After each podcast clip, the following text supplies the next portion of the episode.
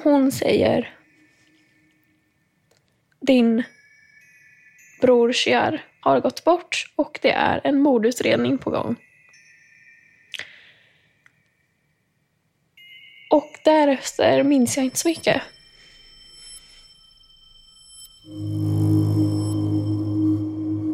Det kändes som att min själ gick sönder. Den 10 februari 2021 larmas polis till en lägenhet i Åtvidaberg har hänt här. Hallå? Och då ser jag att det ligger en person där och jag försöker ja, se om man andas eller har puls, om man lever eller vad som... Hur skicket är på honom så att säga. I lägenheten hittas en 31-årig man död i en säng. Han har fått flera knivhugg. Eh, Och jag försöker hitta puls men hittar ingen puls och ropar upp där på radion att jag har en man som är livlös och jag påbörjar HLR så gott det går i det här rummet. Det är stökigt i den lilla enrummaren. Här finns tecken på tumult, på bråk. Polisens utredning kring ett misstänkt mord i Åtvidaberg fortsätter idag. Det var igår kväll som en man hittades svårt skadad i en lägenhet och han avled sen på plats. Fyra personer blir misstänkta för mord. Jag skriker liksom släpp, släpp, släpp. Det finns ett vittne. Offrets pappa. Som säger att han sett allt. Eh, alltså det tog mellan 15 och 20 minuter där när de torterar eh, honom till eh, döds. Pappan säger att han såg två av de misstänkta, som är bröder, knivhugga hans son till döds på balkongen. على كمية فلوس Jag أوريك såg خليك både- شخص يسر هناك Jag Au, såg båda WhatsApp. bröderna på balkongen. Båda bröderna var på balkongen. Men jag, eh, Gaylan som var stark, eh, han drog honom in och sen till sängen. Det är bara det att på den snötäckta balkongen finns det inget blod, inga tecken på bråk. Men jag menar, det, den här berättelsen om att han skulle ha döpts på balkongen, den är ju omöjlig. Så kan det ju absolut inte vara. Och det, det, för mig är det ju så konstigt att man inte har reagerat på det. Jag tänkte, varför säger han så då? De fyra inblandade döms. Storebror Sean och lillebror Gilan döms för mord. De andra två för grov misshandel. Men alla fyra som döms för inblandning i Shiars död berättar att Gilan överhuvudtaget inte är i lägenheten när Shiar dör. Han går ut från bilen. Alltså, man hinner bara vända sig innan han är tillbaka. Han har bara kommit in för tröskeln och ut. Trots det så döms Gilan tillsammans med sin storebror för mord till 18 års fängelse. Som advokat ska man ju vara jätteförsiktig med att säga att man vet. Så Man vet ju aldrig. Men jag är så säker på att jag vet. Alltså jag vet att Milan är helt oskyldig. Det är liksom, om vi börjar där. Det här är Spår, säsong 12. De avgörande minuterna i Åtvidaberg. Med Anton Berg och Martin Jonsson. Avsnitt 1. Ett konstigt ärende.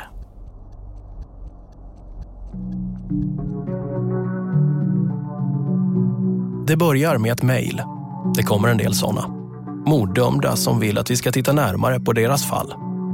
I just det här fallet finns det en detalj som jag reagerar på. Enligt polisens huvudvittne ska mordet ha skett på en balkong. Men enligt mejlförfattaren ligger det snö på balkongen. Och i snön finns inga spår alls efter något tumult. Det är en tydlig bild. Nästan för tydlig. Snö och spår som inte finns. Kan det verkligen vara sant? Offret heter Jar.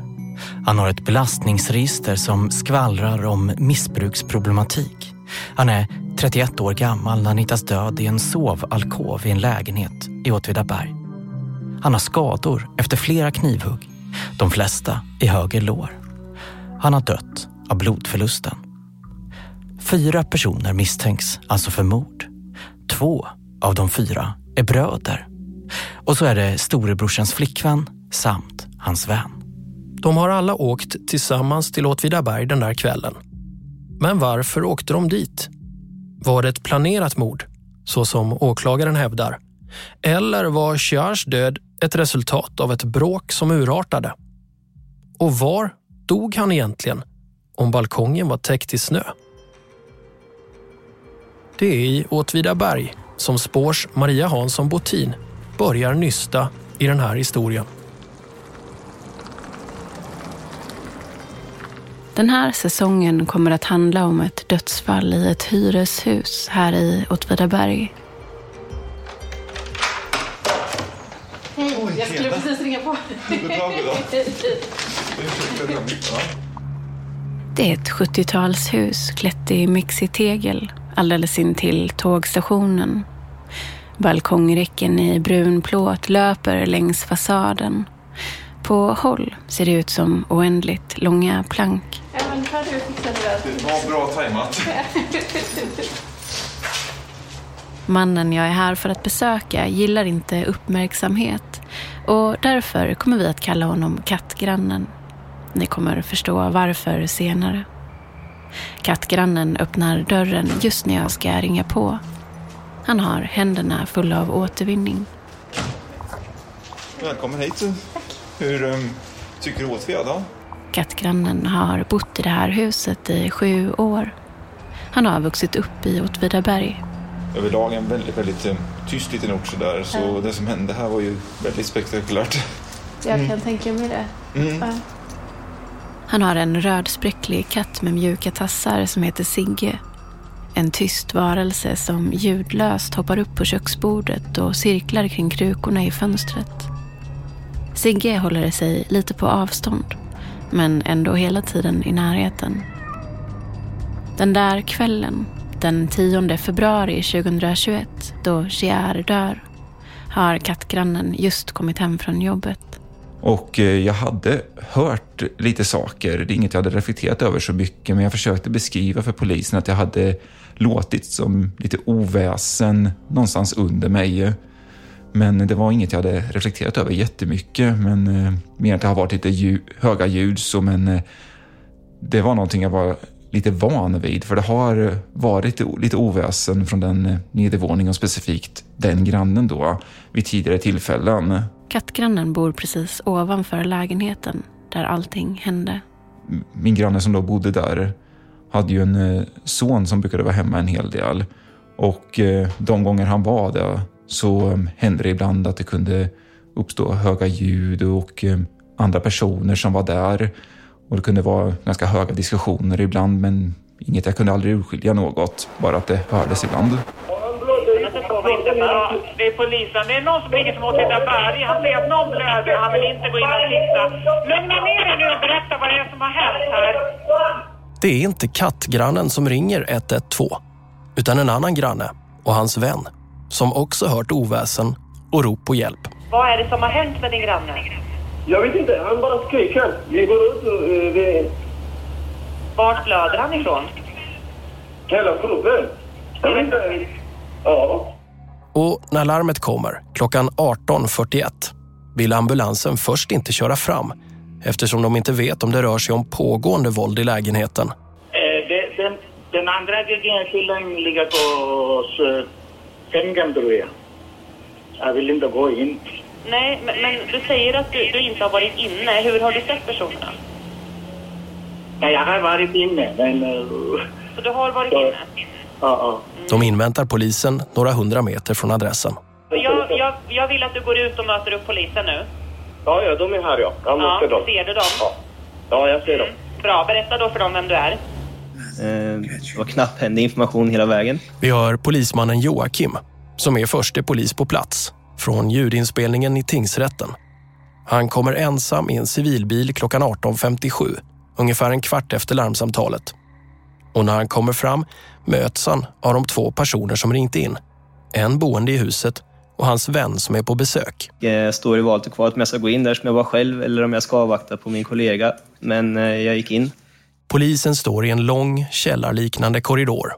Dörren till lägenheten där det larmats om bråk står på glänt. Ja, jag försöker ju någon form av det vi har lärt oss. Att man liksom kollar in med huvudet först och ser så att jag inte möter någon där i dörröppningen. Sen identifierar mig som polis genom att jag skriker att det är polisen. Det är en liten lägenhet. I förundersökningen finns både planskiss och en mängd foton. De visar hur en hall som också fungerar som kokvrå, leder in till ett vardagsrum. Jag ser ju i hallen så jag tar mig in till hallen och gör likadan kik genom hallen in till vardagsrummet eller det rummet som är i lägenheten. Beigerandiga tapeter, ljust aprikosfärgat plastgolv. Det ligger en nerriven gul gardin på golvet. Disk, kartonger och plastpåsar. Krossat glas och blodfläckar. Eh, och när jag kommer in i lägenheten så, ja, så är det väldigt stökigt. Till vänster i en beige hörnsoffa sitter en medelålders man. Blodig. Han gråter. Han pekar på sängen som är diagonalt tvärs över rummet. Och då ser jag att det ligger en person där. Till höger finns en sovalkov. Lakanet täcker bara halva sängen. Som om den inte bäddats. Eller som om någonting har hänt här. Där ligger mannens son. På lakanen och på hans svarta byxor finns röda, kladdiga fläckar av blod. Jag försöker hitta puls men hittar ingen puls och ropar upp där på radion att jag har en man som är livlös och jag påbörjar HLR så gott det går i det här rummet. Sen vet jag inte tidsuppfattningen tills nästa kollega kommer men jag upplever som att han kommer ganska fort efter. Ambulanspersonal och fler poliser kommer till platsen några minuter senare. En av poliserna, Niklas, vittnar också i tingsrätten om hur pappan är i upplösningstillstånd. Han gråter och sörjer förklarligt och försöker hela tiden komma fram till målsägarnas kropp.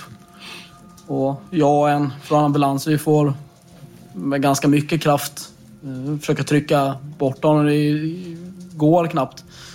Och han tar sig även fram vid något tillfälle till kroppen och försöker sörja. Polis och ambulanspersonal verkar ha svårt att få pappan att berätta vad som har hänt. Men det han säger, enligt de PM som skrivs av polisen, är att tre män varit inne i lägenheten och att han inte vet vilka männen är. Det beskrivs också hur pappan försöker ta sin sons hand. Att han vill kyssa den kalla kroppen. Men då det skett ett mord så var vi tvungna att få bort honom. Det, det gick inte att hantera honom i lägenheten i den här situationen. Så polisen för ut honom ur lägenheten och säkrar brottsplatsen. Men vi tar med honom ut till ambulansen. Alltså han har ändå ett vårdbehov. Blöder ganska mycket. Äh, ganska mycket, men han blöder från huvudet. När vi går ut från lägenheten så är det som en, en längre korridor i bostadshuset. Då är han ändå ganska med medan han går med mig och ambulanspersonalen. Han, han pratar lite större sin son. Vi går ut, sätter oss i ambulansen. Vi beslutar att jag ska åka med ambulansen i och med att hans roll ändå är så pass oklar. När ambulansdörren stängs blir pappan helt okontaktbar, berättar polisen Niklas i tingsrätten. Han skriker till av rädsla när ambulanspersonalen tar på honom. Han sluddrar, gör jättemånga konstiga ljud. Eftersom det inte går att få pappan att berätta vad som har hänt och eftersom han befunnit sig ensam i lägenheten med sin döda son när polisen kommit till platsen så grips han. Poliserna tejpar påsar runt hans händer för att säkra bevisning. Kanske kan det finnas hudavskrapningar under hans naglar. Och efter några timmar på sjukhus för att ta hand om hans skador körs pappan sen till arresten. P4 Östergötland rapporterar. En man i 60-årsåldern har nu anhållits misstänkt för mordet i Åtvidaberg igår kväll.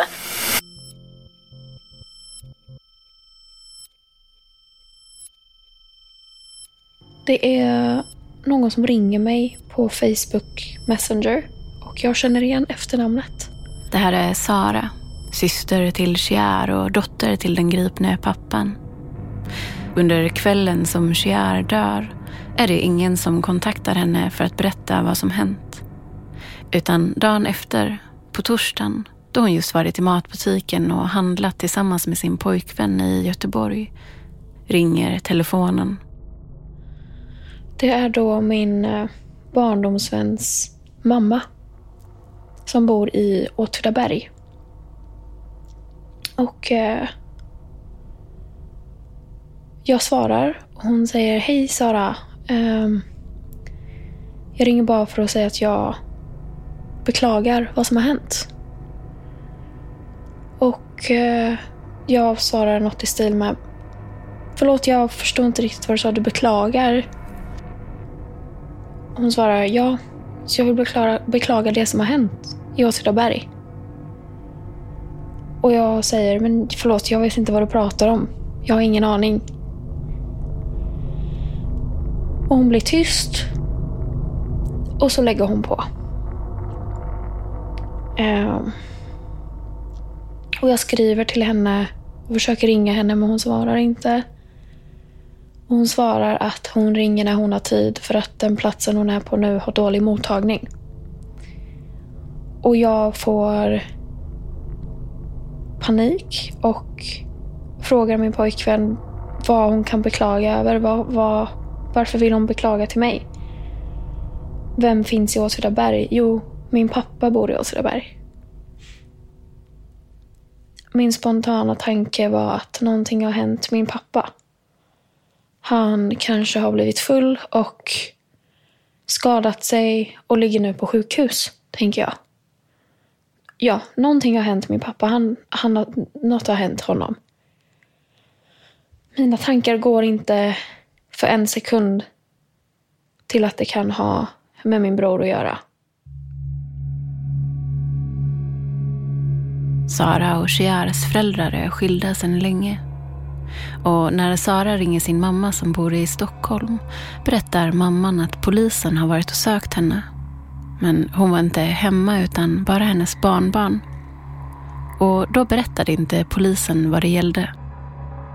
Så då säger hon, Sara, polisen har sökt mig. Vad kan ha hänt? Varför ringer någon och beklagar till dig först och nu vill polisen komma i kontakt med oss? Varför har de inte ringt till mig direkt om det är något akut? Och då säger jag till henne att Mamma, jag vill bara att du ska vara förberedd men i sådana här situationer när polisen kommer på hembesök och Planning for your next trip? Elevate your travel style with Quince. Quince has all the jet setting essentials you'll want for your next getaway, like European linen, premium luggage options, buttery soft Italian leather bags, and so much more. And is all priced at 50 to 80% less than similar brands. Plus, Quince only works with factories that use safe and ethical manufacturing practices. Pack your bags with high-quality essentials you'll be wearing for vacations to come with Quince. Go to quince.com slash pack for free shipping and 365-day returns. Planerade hembesök så är det ofta inte bra nyheter. Jag vill bara att du ska vara beredd på det. Och då säger hon, okej okay, men ring, ring dina syskon och prata med dem och meddela dem detta. Jag ringer min bror. Han svarar inte. Jag ringer min pappa och hans mobil är avstängd.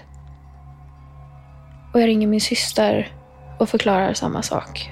Jag berättar liksom situationen och vad som har hänt och att min mamma är på väg hem.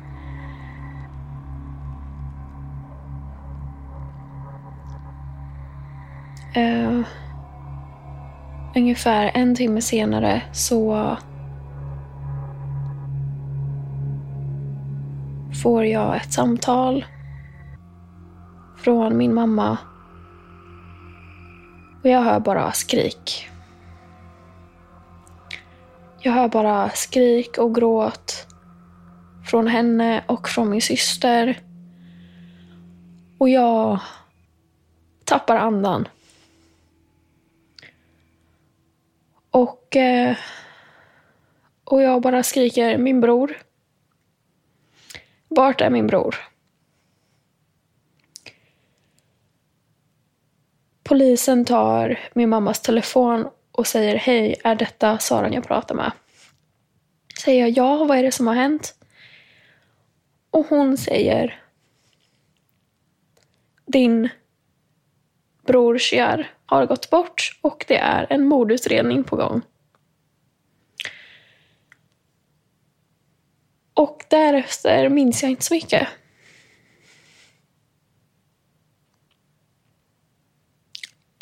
vet inte hur jag...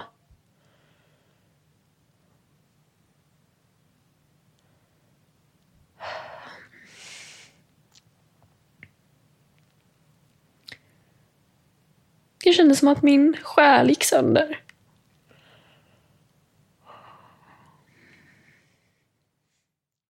Sara blir hämtad av sin morbror i Göteborg och de åker till Stockholm där hennes mamma och syster och systerdotter bor.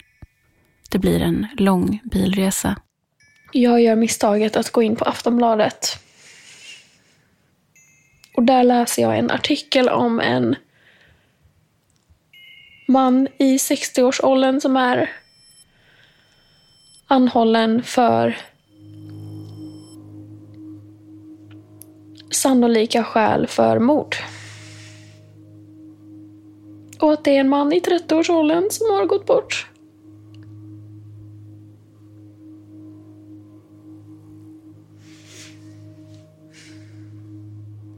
Och jag spekulerar och tänker allt möjligt. Och jag tänker, är det min pappa som har gjort det här? Är det min pappa som har dödat min bror?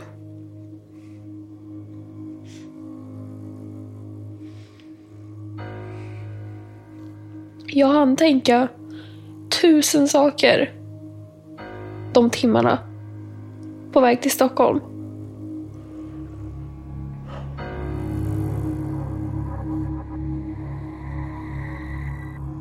Så här säger åklagaren i P4 Östergötland dagen efter Chiars död.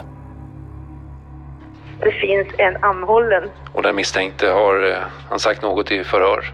Han förhördes på, nu på förmiddagen. Jag har inte eh, hunnit få det uppdaterat vad han har sagt. Så att, återigen vill jag inte kommentera av både skälet att det är förundersökningssekretess och kan vara känslig information och jag är inte riktigt uppdaterad heller på alla detaljer. Finns det något motiv som ni har hittat? Inget som jag kommenterar. I förhöret på förmiddagen, dagen efter mordet, nekar pappan till mordanklagelserna. Enligt honom är det som har hänt följande. Tre män har kommit in i lägenheten. De har kommit instormande med hammare och knivar i händerna. Han beskriver hur han själv blev slagen i huvudet och föll ihop. Och medan han låg på mattan såg han hur hans son blev knivhuggen till döds ute på balkongen. Han beskriver hur männen släpade in hans döde son från balkongen och la honom på sängen. Och pappan släpps samma dag. Polisen har nämligen fått ett samtal som tyder på att det pappan säger kan stämma. Att han faktiskt är oskyldig och att det är andra personer som varit i lägenheten. Det är en kvinna som ringer till polisen samma kväll som mordet inträffat. Hon namnger hur, för mig, tre stycken personer. Den polis som tar emot uppgifterna är Niklas. Samma polis som suttit i ambulansen tillsammans med Shiars pappa på kvällen när Shiar dör. Som hon eh, ja, nämnde vid namn, som hon känner mycket väl. Som hon säger ska ha varit inblandad i det här. Det är på grund av de här uppgifterna som pappan också släpps. Kvinnan som ringer in kommer att bli ett nyckelvittne i den här historien. Det är hon som berättar för polisen att det inte bara är tre personer som har kommit in i lägenheten i Åtvidaberg som pappan först har berättat för polisen. Utan det finns ytterligare en person. Alltså totalt fyra personer. Kvinnan kan dessutom peka ut vilka de är. Hon säger att det är Sean och så hans lillebror Gilan. Med i lägenheten ska också Seans flickvän och Seans kompis vara, som hon inte vet namnet på. Vittnet vet allt det här för att hon är gammal vän till Seans flickvän. Och flickvännen har chockat kommit hem till vittnet efteråt och berättat att Jar och hans pappa har blivit misshandlad i lägenheten i Åtvidaberg. Kvinnans uppgifter stämmer överens med pappans. Och så finns det ett vittne till som bekräftar allt det här. Polisen ringde ju till mig. Katt, grannen. Jag berättade lite om att jag hade hört lite saker så. Och sen, eh, sen så hade jag, jag tänkte inte så mycket på det här med att jag hade mött kvinnan. På kvällen den 10 februari 2021 när Shiar hittats död ringer polisen runt till alla grannar i huset. Då tänker kattgrannen först inte på en kvinna han mötte utanför huset strax innan Shiar dör. Men Det är en observation som kommer att vara fullständigt avgörande för att fastställa nästan exakt när Shiar dör. För kvinnan som han möter är flickvän till Sean som senare kommer dömas för mord tillsammans med sin bror Gilan. Och dagen efter Chiars död, samma dag som pappan släpps, riktas misstankarna istället mot Sean, hans bror Gilan, Seans flickvän och Seans vän som också ska ha varit i lägenheten. Det var något jag började tänka på i efterhand just med att polisen hade ringt till mig, det hade skett någonting, men vänta nu. Henne mötte jag och hon ställde ju en ganska konstig fråga faktiskt. Det här borde jag kanske berätta för polisen, så då vet jag att jag gick ut på min balkong och det stod en bil på framsidan, påkallade deras uppmärksamhet och bad dem att eh, ringa upp mig igen. Och då drog jag hela den här historien om vad som hade hänt när jag var ute och gick. På väg hem från jobbet den här dagen stannar kattgrannen för att handla mat. Transaktionen finns i förundersökningsmaterialet. Klockan 18.14 betalar han 518 kronor på Willys i Åtvidaberg. Och eh, ja, klockan var ju 18.15 när jag packade i mina varor. Klockan var 18.21 när jag satte mig i bilen för att åka därifrån. Och så kom jag hit till parkeringen 18.25. Och sedan då gick jag upp hit, plockade in mina varor och tog på Sigge hans koppel och så gick vi ut prick klockan 18.30. Så, ja, jag kan väl inte ha varit ute där mer än kanske två minuter innan, vi, innan jag träffade på henne då. Det är kanske på sin plats att förklara kattgrannens förhållande till siffror. Så vad är det som gör att du, varför har du så bra koll på kroppslängd? Ja, alltså jag har ju framförallt, det är det här att jag har lätt att uh, minnas siffror. Det är det här goda minnet som kommer att göra det möjligt att isolera händelseförloppet ner på minuten. Jag tycker om siffror i, på många olika sätt. Redan när jag var en, två, tre år så hade jag lärt mig allas, eh, alla födelsedatum på alla, hela släkten och hur eh, höga vissa kända eh, byggnader kunde vara och sånt där. Och invånarantal i olika länder. Jag vet inte vad det beror på, men just siffror tyckte jag var intressant, det var lockande och det har suttit kvar ända nu i vuxen ålder att jag har väldigt lätt för att minnas siffror. Och det var väl att jag alltid varit duktig på matte också, så det blev en lite naturlig följd där. Men eh, ja, bra sifferminne helt enkelt. Tidsuppgifterna bekräftas dessutom av hemtjänstpersonal som ser kattgrannen i samband med ett vårdbesök i huset. Tidsaspekten i det här spelar roll. För enligt pappans uppgifter har mordet på hans son varit ett utdraget förlopp. Han säger att misshandeln som ledde till sonens död har pågått i uppemot 15-20 minuter. Men enligt de misstänkta gick allt väldigt snabbt. De hävdar att de var där för att prata, men att allt spårade ur under några få avgörande minuter som ledde till Shiars död.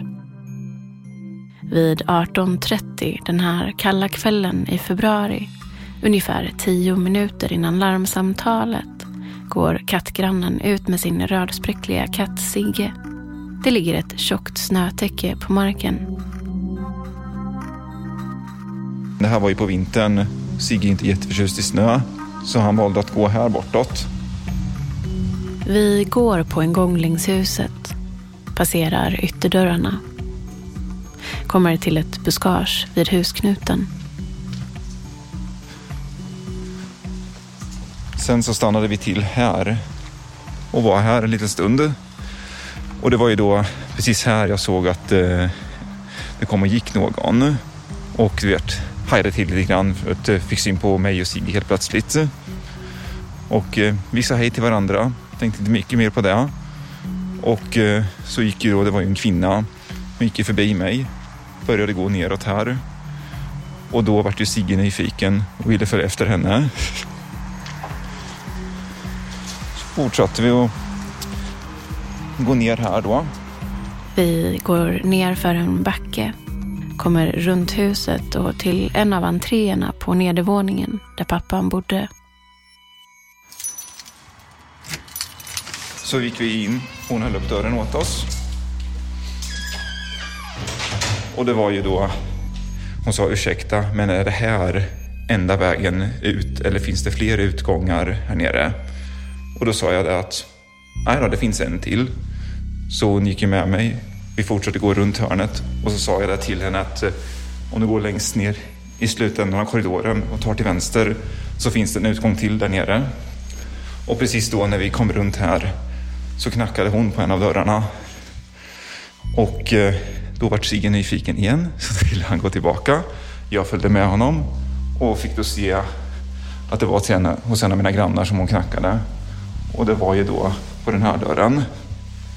Och fick också se min granne som jag då känner väldigt väl öppna, hälsa på henne, krama om henne, krama om henne. Så det såg ut som att de verkligen kände varandra. Och sen så gick de in i lägenheten ihop. Medan då Sigge och jag gick ut för dörren här. Vet du vad klockan är när du kommer in? 18.37. Fyra minuter senare, 18.41.40, kommer larmsamtalet till 112. Då har de misstänkta redan lämnat platsen. Inom loppet av bara några minuter dör Chiar i lägenheten där kvinnan gick in. Jag kan ju inte mer eller mindre ha du vet, gått utanför dörren här nere, upp i trapphuset eh, innan eh, de andra då kan ha kommit. Eh, Frågan är bara vad som egentligen hände. Vilka som varit inne i lägenheten och när. Den här säsongen av Spår kommer att handla om de där få minuterna. Om de fyra misstänkta som dömts för mord och inblandning i mordet på Chiar. Om Chiar själv som levde ett liv vid sidan av det etablerade samhället. Och om ett huvudvittne, Chiars pappa, som ska ha sett alltihop inne i lägenheten. Ett ganska konstigt ärende faktiskt. En av Sveriges mest välrenommerade försvarsadvokater, Johan Eriksson, som företrädde storebror Sean i hovrätten, har inte kunnat släppa fallet. Det beror i huvudsak på två centrala faktorer. Den ena faktorn är att de misstänkta är alla överens om att en av dem som dömts för mord, Gilan, han var inte ens inne i lägenheten när Shiar misshandlades till döds. Alla är överens om att han inte var inblandad. För det andra så hävdar polisens kanske viktigaste vittne, pappan, att mordet äger rum på balkongen. Det är bara det att det inte finns några spår alls efter våld där. Snön ligger helt orörd. Ändå är det pappans version av hur mordet gick till som kommer ligga till grund för domstolarnas bedömning. Hans trovärdighet kommer väga tungt. Eh, Och där hittar vi ju också konstigheter som att hovrätten har använt sig av spår i sin bedömning som inte, inte, absolut inte har uppkommit i samband med något bråk i den där lägenheten. I nästa avsnitt av Spår. Eh, och då är hon väldigt, väldigt stressad och väldigt, väldigt andfådd och uppe i varv. Ehm, och jag bara frågar henne vad som har hänt så fort hon kommer in i mitt rum och då ger hon mig att liksom, men låt mig andas först jag måste, innan jag kan prata. Eh, och sen så säger hon, vi har varit i Åtvidaberg. Och då säger jag, vilka vi? Och först så vill hon inte berätta någonting, hon är väldigt tillbakadragen. Varpå jag blir mer och mer arg och liksom fattar att det har hänt någonting. Så jag frågar ut henne mer och mer. Eh, och till sist får jag reda på att de är fyra stycken i en bil. Eh, först berättade hon inte vilka det var. Sen så berättade hon att det var Sean och Seans lillebror. Och en tredje person som hon inte visste vem det var. Anledningen till att jag väljer att prata är just på, på grund av mammans tårar. Hon ska inte tro att hennes son blev begraven på grund av 18 000 kronor. Det är inte det som är sanningen. Spår görs av Anton Berg, Martin Jonsson, Eva-Lisa Wallin och den här säsongen har Maria Hansson Botin haft huvudansvaret för. Mix är Gustav Sandén. Ansvarig utgivare är jag, Martin Jonsson. Spår är ett samarbete mellan A1 Produktion, Acast och Third Ear Studio. Arkivklippen kommer från Sveriges Radio. Vill du komma i kontakt med oss så hittar ni oss på sociala medier. Vill ni tipsa oss anonymt? Gå in på vår hemsida thirdear.studio och scrolla ner till Tipsa oss. Tack för att du lyssnat.